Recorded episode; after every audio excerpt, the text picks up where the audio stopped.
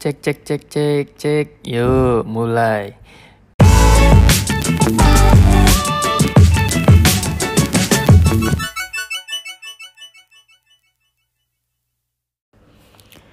Yuk, kembali lagi di Latsar hari ke-10. Nah, hari ini tanggal 30 April tahun 2021. Nah, materi hari ini adalah lanjutan dari agenda 2 yaitu tentang komitmen mutu. Nah, komitmen mutu itu apa sih? Terdiri dari ini ya sebenarnya dua suku kata ya, komitmen dan mutu.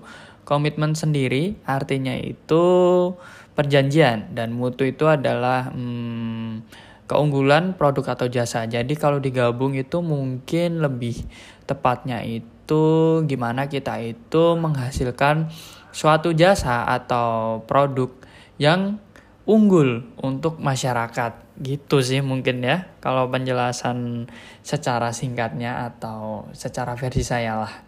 Nah, jadi di komitmen mutu ini kita sebagai seorang ASN itu uh, harus uh, selalu memberikan uh, kepuasan bagi masyarakat dari dalam berbagai hal sih dari kalau dari ini dari yang terlihat di luar itu ya dari pelayanan makanya kita uh, ke masyarakat itu sebagai ASN masa kini itu harus gimana sih supaya masyarakat itu oh ini ya instansi ini bagus pelayanannya terus uh, bisa diakses dari mana pun itu termasuk uh, dari produk sendiri terus uh, instansi ini tuh tidak ini loh tidak lama loh dalam merespon uh, terus instansi ini tuh bagus loh dalam hal kerjanya uh, sudah menangani ini ini. Nah itu termasuk salah satu bentuk uh, mutu atau produk yang dihasilkan dari kita sebagai PNS sendiri. Jadi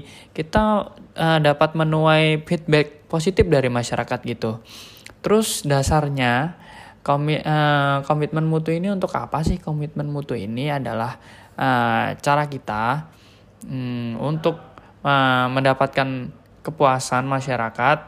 Terus gimana kita bisa dinilai sebagai ASN yang cepat, tanggap, efisien uh, dengan melakukan pelayanan publik yang baik.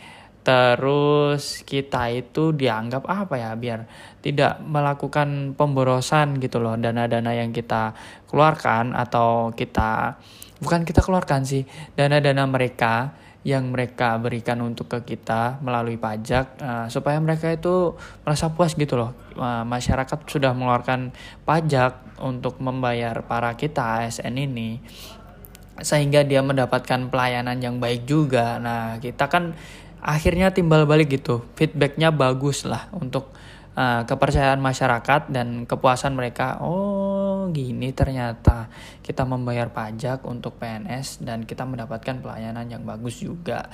Dan mereka kerjanya bagus efisien ramah dan baik tidak uh, apa ya tidak melakukan pemborosan dana-dana pajak kita.